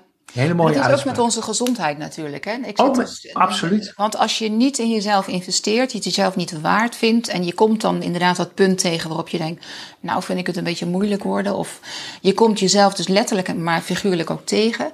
Juist daar zit dan natuurlijk ook, ehm, ja, vind je jezelf belangrijk genoeg om daar doorheen te gaan. Om jezelf, en dat lukt niet altijd alleen, je hoeft het ook niet alleen te doen. Natuurlijk niet. Er zijn mensen die je kunnen helpen. Maar Ja. ik denk dat daar een hele mooie parallel is te maken, inderdaad, eh, met geld, maar ook je gezondheid. Ja, dus, dus Ja. wat, wat Ja. ik merk is dat mensen om me heen die. eh, nou, een hele enkeling is er helemaal senang mee. Maar dat zijn niet echt met- ondernemers. met Ze- geld. Ja, met, met, met, met, met geld. Ja. Zo van, joh, ik heb genoeg. Ehm, Ja. Maar meestal zijn het ook mensen die op een bepaalde manier eh, ook heel weinig ehm, eh, eh, nodig hebben, inderdaad. Mhm. Ehm, eh, maar met ook heel weinig genoegen nemen. En zich daar 100% fijn bij voelen. Mhm. En dan denk ik van, joh, alsjeblieft, don't change it. Weet je wel, blijf zo. Ja. En als je dat omarmt, maar dan is het een bewuste keuze om dat te omarmen. Ja. Ja. Maar ik zie ook, en met name bij ondernemers, die willen toch iets in de wereld neerzetten. Ik had laatst nog iemand, een paar weken geleden, die zei, die zat huilend bij mij op, op, in de Zoom-call, Mhm. huilend te vertellen, oh Thijs, ik zou zo graag verder willen komen. En ik zou het zo fijn vinden als je me helpt. En ik zou het zo waardevol vinden. En, en, en, en, en hij zat mij uit te leggen waarom het zo belangrijk voor hem was dat hij die stap moest maken. En uiteindelijk heeft hij toch bakzeil gehaald. Mhm. En uiteindelijk zei hij ja, nog eens gesproken, toch andere prioriteiten. En eh, ik denk ja, als je dan zo snel alweer. Maar ik proef daar dus heel duidelijk in. ehm, het is een vorm van vermijdingsgedrag. Ja. En zelfsabotage, dat zijn een beetje de twee negatieve vlaggetjes die we erbij hebben. Maar om het positief of wat meer begripvol te verwoorden, is dat dat je dus niet trouw bent aan wat jij zit te willen. ja. Welke emotie zou je daar, ehm, wat zou daar de, de grootste emotie zijn? Is dat angst? Ja, het is angst voor de pijn om te ontdekken dat het niet lukt en dat je dan waardeloos gaat voelen, dat je dan Mm. eh, moet erkennen dat je het eh, niet voor elkaar gekregen hebt. En ja, er zitten natuurlijk heel veel plaatjes op en het zal voor iedereen ook wel enigszins verschillend zijn, afhankelijk van ja, hoe jij in elkaar steekt als mens en welke bagage weet je, met je meedraagt. Ja. Hè? Voor de ene is het zie je wel, ik mag er niet zijn. Eh, voor de ander is het zie je wel, ik kan ook niet, nooit iets voor elkaar krijgen. Eh, Ja. voor, de, voor weer een ander is het van zie je wel, ik, ik, ik, hè, ik, ja, ik, ik ben ook voor dat dubbeltje geboren en ik kan nooit een kwartje worden, et cetera, et Ja, cetera. zo moeilijk om dan Dus te ieder- geloven in anders. Ja. Ja, en, en, en, en, en, dan zitten we heel duidelijk vast in zo'n, in zo'n eh, patroon. En ja, weet je, voor mij is, is wat dat betreft het ondernemer zijn ook een keiharde confrontatie met mezelf. Mhm. En mijn eigen beperkingen en mijn eigen overtuigingen en mijn eigen bagage. Ja. En dat maakt tegelijkertijd het ondernemerschap ook tot een heel leuk iets. Ja. Omdat dat een enorme grote spiegel is eh, voor jezelf. Ja, mooi. Mooi. Ik heb hier ehm, een aantal vragen voor mijn neus liggen. Ja. Ik ga je gewoon vragen, dat bedenk ik me nu ter plekke. Het zijn er 16, die niet specifiek voor jou zijn, maar gewoon 16 vragen in zijn algemeenheid die ik wel eens stel in een podcast. Oké. En is dat, dat ja-nee vragen? Of, Nee, eh, maar het zijn, ik wil je eigenlijk uitnodigen om te kiezen. 1 tot 16. Ik weet ook zelf niet welke vraag aan welk nummer is gekoppeld. Misschien is het ook niet relevant wat ik nu ga doen. Maar ik ga gewoon eens, dit is gewoon, eh, Oké. alle kanten kunnen we uit. Ja. Noem eens een nummer tussen 1 en 16. Eh, acht. 8. Is dat je lievelingsgetal? Nee. Nee, zomaar. Dat is vandaag een heel Oh, mooi dat is wel een mooie. Wat is jouw favoriete manier van lummelen? Ehm, Lummel je überhaupt? nou, ik, ik, ik, ja, ik, ik vind het. Ja, zeker. zeker. Ik, was, ik, ik deed het vroeger nog veel vaker, veel meer. Eh, je hebt natuurlijk nog wat meer verantwoordelijkheden eh, als kostwinner eh, en met een gezin. Dat lummelen, ja, dat er wat minder ruimte is om te lummelen, of dat ik mezelf wat minder vaak toesta om, om Ja, te lummelen. ja. Maar ik, ik, vroeger was ik de lummelkampioen, absoluut. Oh ja? Ja, ik kon ontzettend goed lummelen. En hoe, hoe zag dat er dan uit? Ehm, ja, het is een typische vorm van ehm, eh, eigenlijk niks plannen. Ja. Eh, je neus achterna gaan. Ehm, goh, ik heb trek om te eten. Nou, dan ga ik even brood kopen. En hoe oud was je als, je je- als je zegt van vroeger? Waar, waar, welke leeftijd kijk je nu naar? Nou, ik heb best lang gelummeld. Ik heb, ik heb eh, zelfs tot in mijn twintiger jaren ook hele periodes gehad dat ik behoorlijk kon lummelen, nog steeds. Ja. En, en, en, en soms had ik wel een bepaald deelgebied in mijn leven, zoals een studie die ik dan wel heel leuk vond, waar ik ook wel veel, veel tijd en energie in stak. Mhm. Maar daarnaast lummelde ik. Ja. Ja. Ja. Leuk. Leuk. Ja, Zullen we er nog één doen? ja. Mag jij een nummer noemen? Ehm, nou, mijn eerste impuls is om een nummer te noemen wat dan zo voor de hand ligt. Dus ik ga het spannender maken vanzelf. Ik ga nummer 13 vragen. Oké. Oh, dat is ook een mooie. Wat is jouw definitie van medicijn? Ik zei al, we gaan echt van de hak op de tak met die vragen. Ja, Wat is een medicijn? Definitie voor medicijn. Boah, moet zelf ook nadenken. ja. Het eerste wat boven komt is... Het Als is een zoon doekje van een huisarts. Ja, het is een doekje voor het bloeden. Ehm, het gaat eigenlijk nog verder. Ehm, als ik denk aan medicijnen, dan denk ik aan dat is symptoombestrijding. Ehm, eh, ik ben niet zo positief over medicijnen. Hoewel ik zie dat er heel veel medicijnen zijn die eh, noodzakelijk kwaad zijn. Ik geloof ook dat er veel medicijnen zijn ontwikkeld omdat er geld verdiend moet worden door die farmaceutische bedrijven. Eh, om een probleem op te lossen wat eigenlijk niet echt een probleem is. Hmm. Hmm. Dus een medicijn zie ik altijd als een laatste redmiddel. Dat is misschien de beste eh, definitie die ik, eh, die ik heb. Zoals het echt niet anders kan, ja, dan maar een medicijn. Maar anders dan kunnen we niet slapen of kunnen we niet leven of kunnen we niet de dingen doen die we moeten doen of verrekken we van de pijn, et cetera, et cetera. Ja, ja.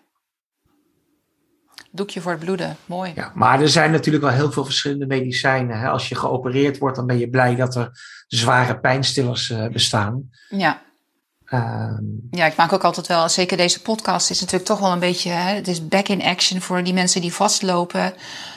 Het, het is een beetje begonnen rondom het thema chronische pijn, maar inmiddels Ja. verschuift de podcast en de inhoud ook wel een beetje naar, je kan op veel meer terreinen vastlopen in het leven. Ja, ja en als, als je het hebt over hè, wat jij doet, hè, mensen helpen om op een natuurlijke manier van hun pijn af te komen, dat vind ik de perfecte tegenhanger tegen medicijnen. Ja, Of om medicijnen te voorkomen.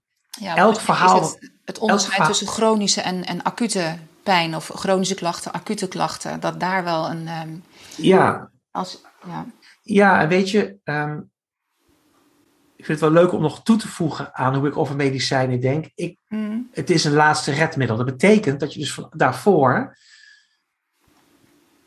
heel veel kan doen om te voorkomen dat je het medicijn moet gaan gebruiken. Ja, ja, ja, ja, ja, preventie. Ik heb documentaires gezien over eh, een uitgebalanceerde documentaires. eh, dus echt goed doordacht en, en allemaal wetenschappers die, die in beeld kwamen. Dus niet zomaar een verhaal wat ergens opgepikt is, een van de sensatieverhaal, maar echt een goed, goed op onderzoeksjournalistiek gebaseerd verhaal. Mhm. En dat ging bijvoorbeeld over diabetes type 2. diabetes type 2 is toch een ziekte die voornamelijk door onze leefstijl ontstaan, ontstaat. Voornamelijk. Mhm. Niet uitsluitend, maar wel voornamelijk. Oftewel, daar is heel veel tegen te doen als je je eigen verantwoordelijkheid neemt. Ja. En ik ben ongelooflijk fan van eigen verantwoordelijkheid nemen. Nogmaals, het leven is niet 100% maakbaar, maar we mhm. kunnen wel 100% verantwoordelijkheid nemen. Ja. En daar kun je ongelooflijk ver mee komen. Als dan blijkt dat mensen die 17 jaar lang medicijnen slikken tegen diabetes 2 en niet één pilletje of iets dergelijks, maar drie keer per dag een flinke batterij medicijnen, 17 mhm. jaar lang, dat ze vervolgens uitgenodigd worden om een aantal weken, ik dacht ik ben even kwijt of het drie of zes weken was. Nou, laat het zes weken zijn. Een andere leefstijl te omarmen.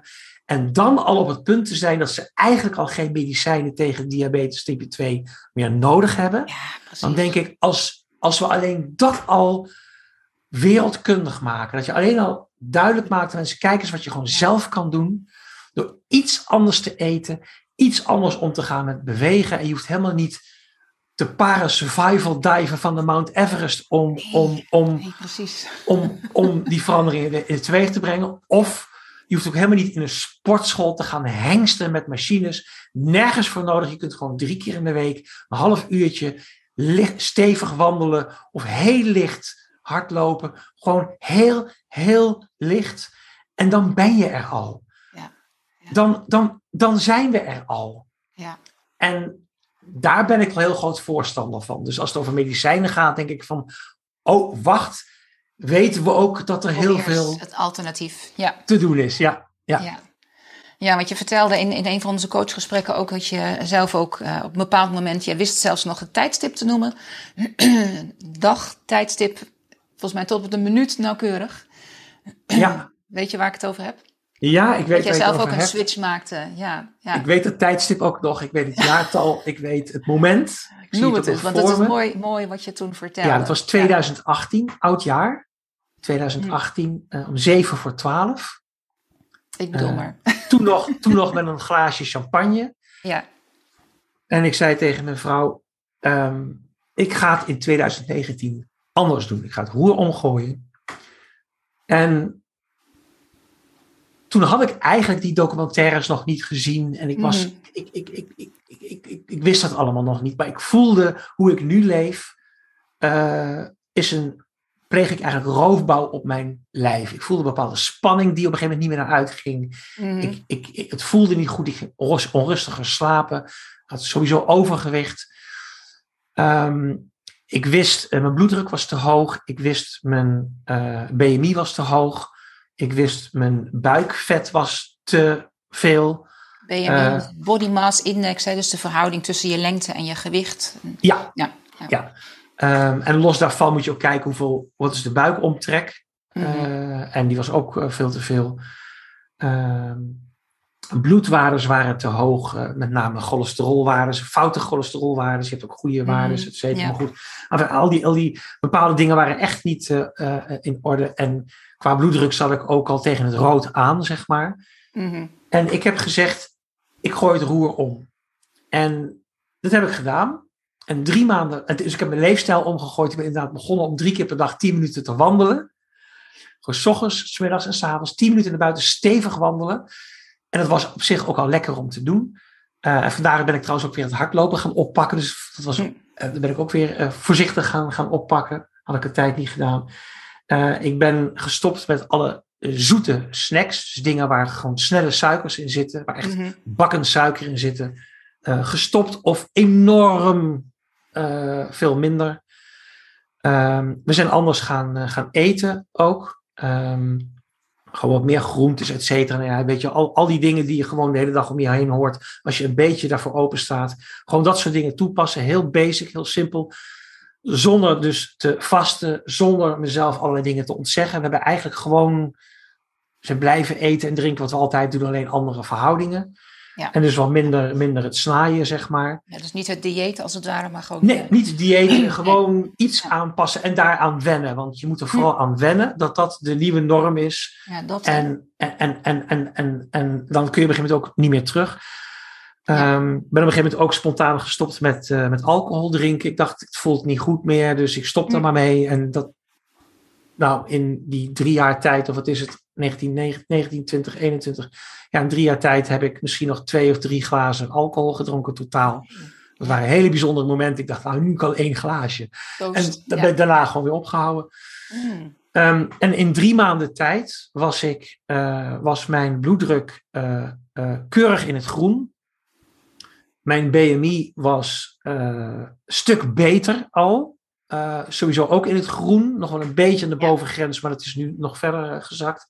Cholesterolwaardes waren stukken beter dan wat het daarvoor was. Je zien hè, hoe dat... eh, ja. En toen dacht ik, jeetje, moet je dus nagaan dat je in drie maanden tijd al meetbaar, want ik ben natuurlijk echt naar het laboratorium gegaan, ik heb bloed Ja. laten afnemen, ik heb het echt laten meten, ehm, dat je zo'n groot verschil. En dat was dus precies wat ik ook ondertussen in die documentaire had gezien.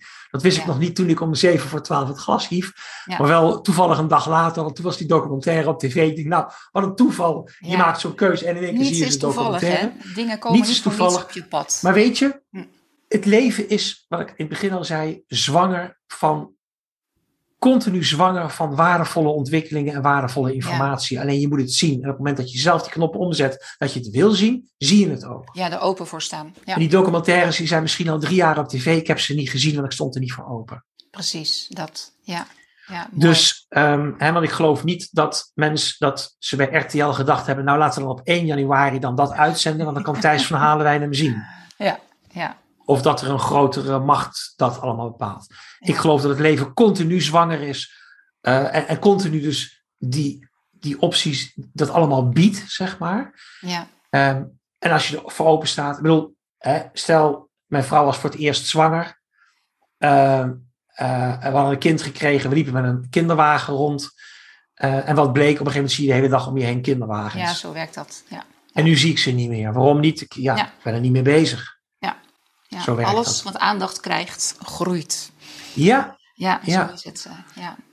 En ja, ongelukkigerwijs heb ik toch eh, na drie maanden een TIA eh, gekregen. Mm, Ehm, en dat was heftig, ja, want ik had mijn leven gebeterd, zeg maar, om het maar zo te zeggen. En toch Ja. gebeurde dat. ja, En ik ben bij de neuroloog geweest, die zag inderdaad van ja, dus heeft een heel klein verstoppingje, is er geweest in je hersenen. Ehm, dus ik kreeg een enorme tintelingen links in mijn benen, mijn armen en noem maar op. En, en rechts zat er een heel klein, heel klein echtje, ja. eh, wat dus ook een klein littekentje is.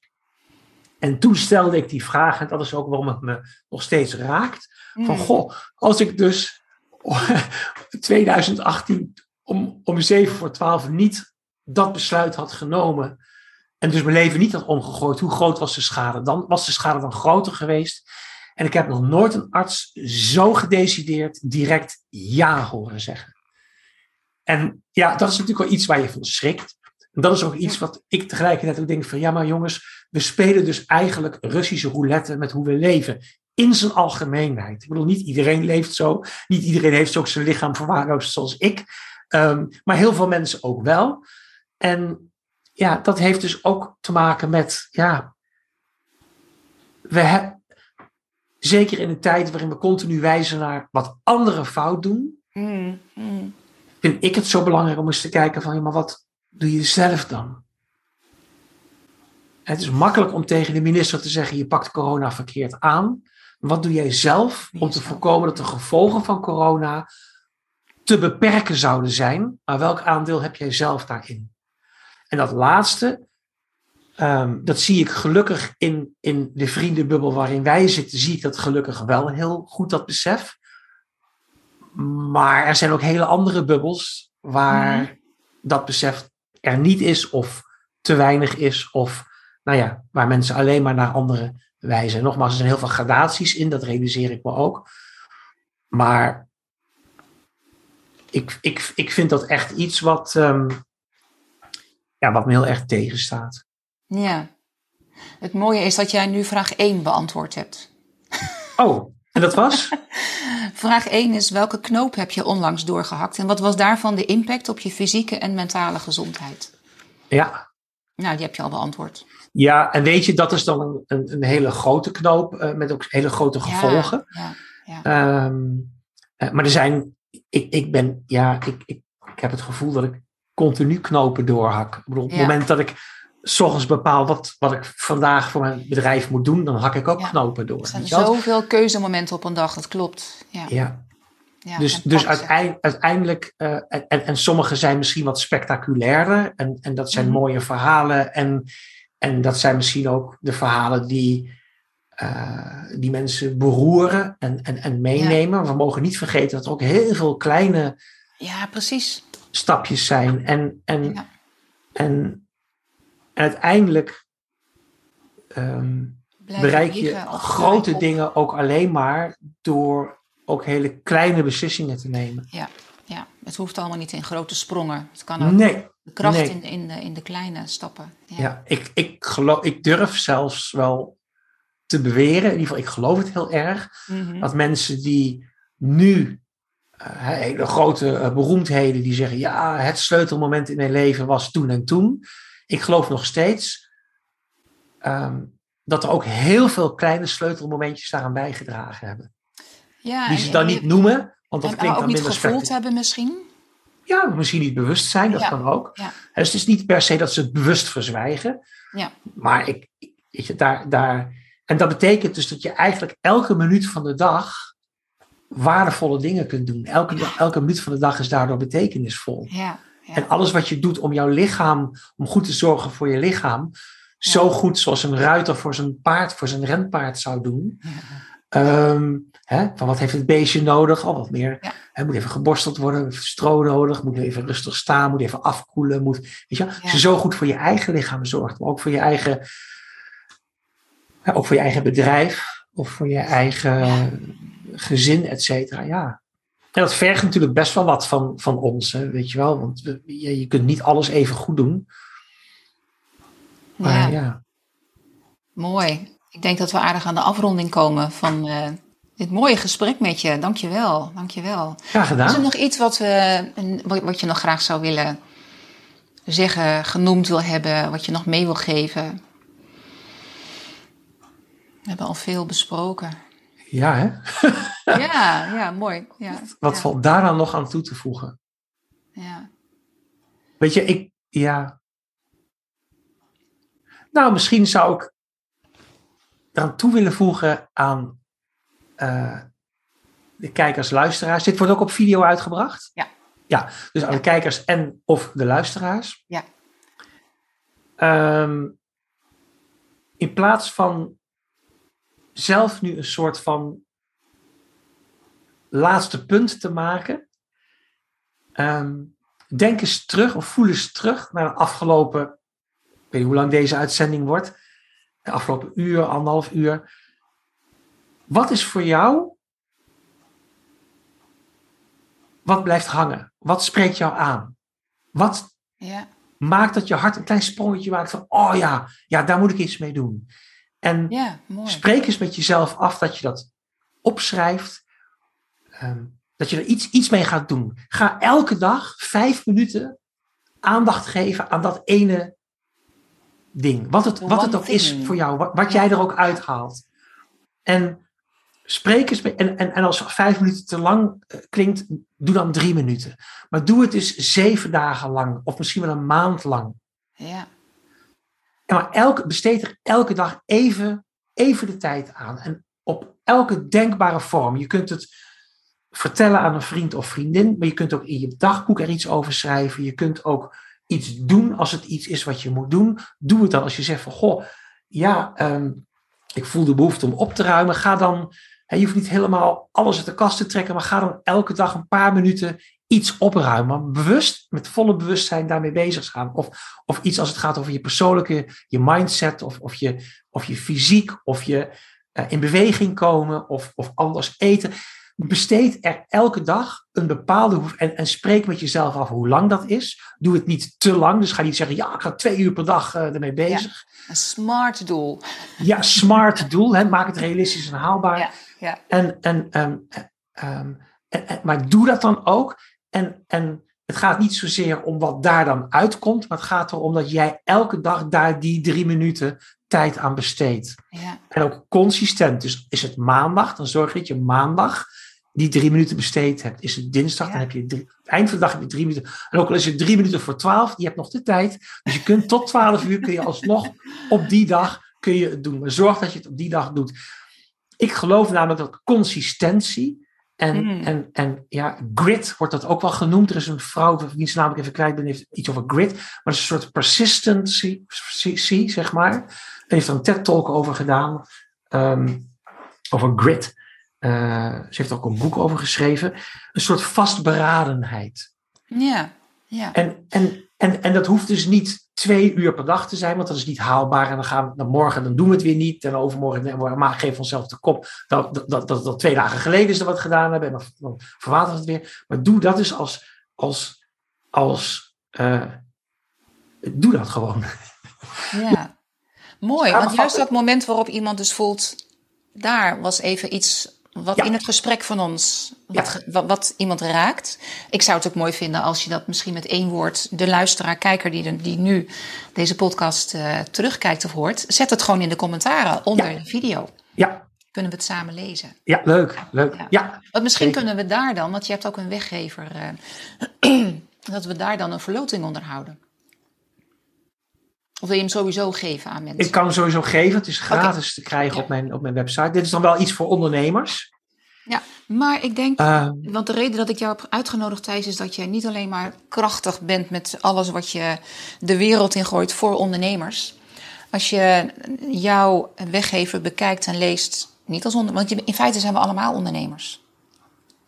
ja, dat is Je waar. hebt, je hebt je eigen leven te managen. Ja. En daar heb jij tools voor. Ja, Dus hoe kunnen mensen jou bereiken en eh, aan jouw weggever komen? Zullen we daar even naar? Waar is Thijs vindbaar? Ja, nou, eh, ja, gewoon onder mijn eh, naam en dan met .nl. Dus Thijs van Halewijn.nl. Ja. Nou, Thijs met een H. Allemaal Zal ik lange in de eieren. commentaren eronder zetten Ja, hoor. Thijs, dus www.thijsvanhalewijn.nl. En daar zit ook altijd daar zit een kopje gratis. Dus daar zijn hele mooie dingen te downloaden. Maar het belangrijkste is op de homepage. Mhm. Eh, dat is een snelgids. En de snelgids eh, dat is speciaal voor ondernemers die hun kennis online willen gaan aanbieden. Dus Mhm. eh, werk willen maken van e-learning. Dus hun kennis om willen zetten naar videomateriaal of andersoortig materiaal. Meestal is het videomateriaal. Dus echt opnemen en als zodanig willen aanbieden aan anderen. Ja. Ehm, dus heb je een bepaalde hobby die je op die manier over wil dragen aan anderen, zodat mensen daar wat geld voor betalen. Eh, eh, heb je eh, eh, een bepaalde expertise, heb je kennis, heb je inzichten, heb je handige, leuke eh, eh, eh, tips, trucs, eh, eh, eh, eh, leuke werkvormen, opdrachten. Eh, dan kun je het allemaal, hè, dan- dan, is het echt van deze tijd om het ook online te gaan Mm. aanbieden. Ja. Ehm, en hoe je dat dan doet en vooral ook hoe je ervoor zorgt dat mensen het ook gaan kopen. Dus dat mensen er dus ook eh, eh, interesse in gaan krijgen en er ook, ja, eh, het ook gaan afnemen bij je. Ja. Dat is een snelgids en die heet Lanceren als een pro. Dus lanceren is de, de, de, de manier om iets hè, de Ja. wereld in te brengen, op de markt te brengen. De- dus lanceren als een pro en dat is een snelgids en die kun je nou ja, overal op mijn website zie je Ja. linkjes om dat eh, te kunnen doen. Ja, mooi. Dankjewel, Thijs, voor dit mooie gesprek. Ja, Laten we hopen dat we gewoon samen met, met dit gesprek, eh, nou ja, een soort kwinkslag. eh, ja, we hebben iets de wereld ingegooid en ik hoop dat veel mensen er wat aan hebben. Ja. ja, dat hoop ik ook. En, en ik ben ook heel erg benieuwd naar de comments onder, eh, Ja, ja. hieronder. Dus, dat, Dus voel je dat- uitgedaagd, kijker, luisteraar. En wij zullen Juist. die commentaren. Ja, ja, ja, ja, precies. Ja, Oké, leuk. dankjewel. Graag gedaan.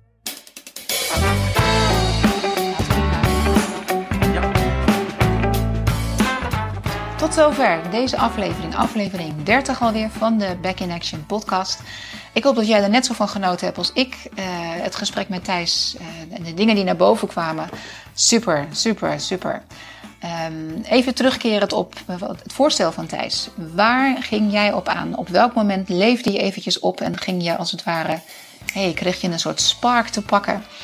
Uh, en ga daarmee aan de slag. Het is zo'n klein dingetje, maar het zal ongetwijfeld zoveel impact gaan hebben. Um, kan je het samenvatten in één woord en koppel dat terug naar ons. Schrijf het uh, onder deze podcast. Um, super gaaf voor Thijs en voor mij om te horen, maar ook voor jou, omdat je uitspreekt waar jij op aangaat en waar je de komende tijd, in ieder geval zeven dagen, dat is een mooi voorstel, elke dag even een paar keer naar terug gaat. Schrijf het op een briefje voor jezelf op en ga daarmee aan de slag. Wil je Thijs volgen? Ga dan naar thijsvanhalewijn.nl. Dat is zijn website. En ben je ook een business ondernemer, een online business ondernemer? Download dan zijn snelgids Lanceren als een pro. Dat vind je op zijn website. Um, dat uh, verder gaan en je, je, jezelf ook een soort shift geven en weer back in action trekken. Je hoeft dat dus niet alleen te doen. Laat mij je helpen met uh, dagelijks op het matje te gaan stappen en uh, door te bewegen en je lijf te voelen en in gesprek te gaan met wat er allemaal gebeurt en je lichaam je vertelt en signalen uh, jou als het ware boodschappen geeft. En als laatste, download mijn e-gids 7 pijlers voor een gezonde mind-body connectie. Want de mind en de body, wat je denkt en wat je voelt, dat initieert alle daden die je hebt en de keuzemomenten die er zijn. Uh, ik heb mijn 40 jaar lesgever en mijn 20 jaar als yogadocent daarin kunnen samenvatten. Alle inzichten, zoals we het al even te sprake hebben laten komen. De inzichten die ik heb opgedaan in de afgelopen jaren. Ik heb het in actie gebracht en heb het in dat e-book geschreven. En ik hoop dat jij daar weer heel veel aan gaat hebben. Ook dat kan je downloaden. Dat zit als link in de beschrijving onder deze podcast. Dankjewel voor het kijken. Dankjewel voor het luisteren. Ik wens je een hele fijne dag weer verder. En tot in een volgende podcast. Dag!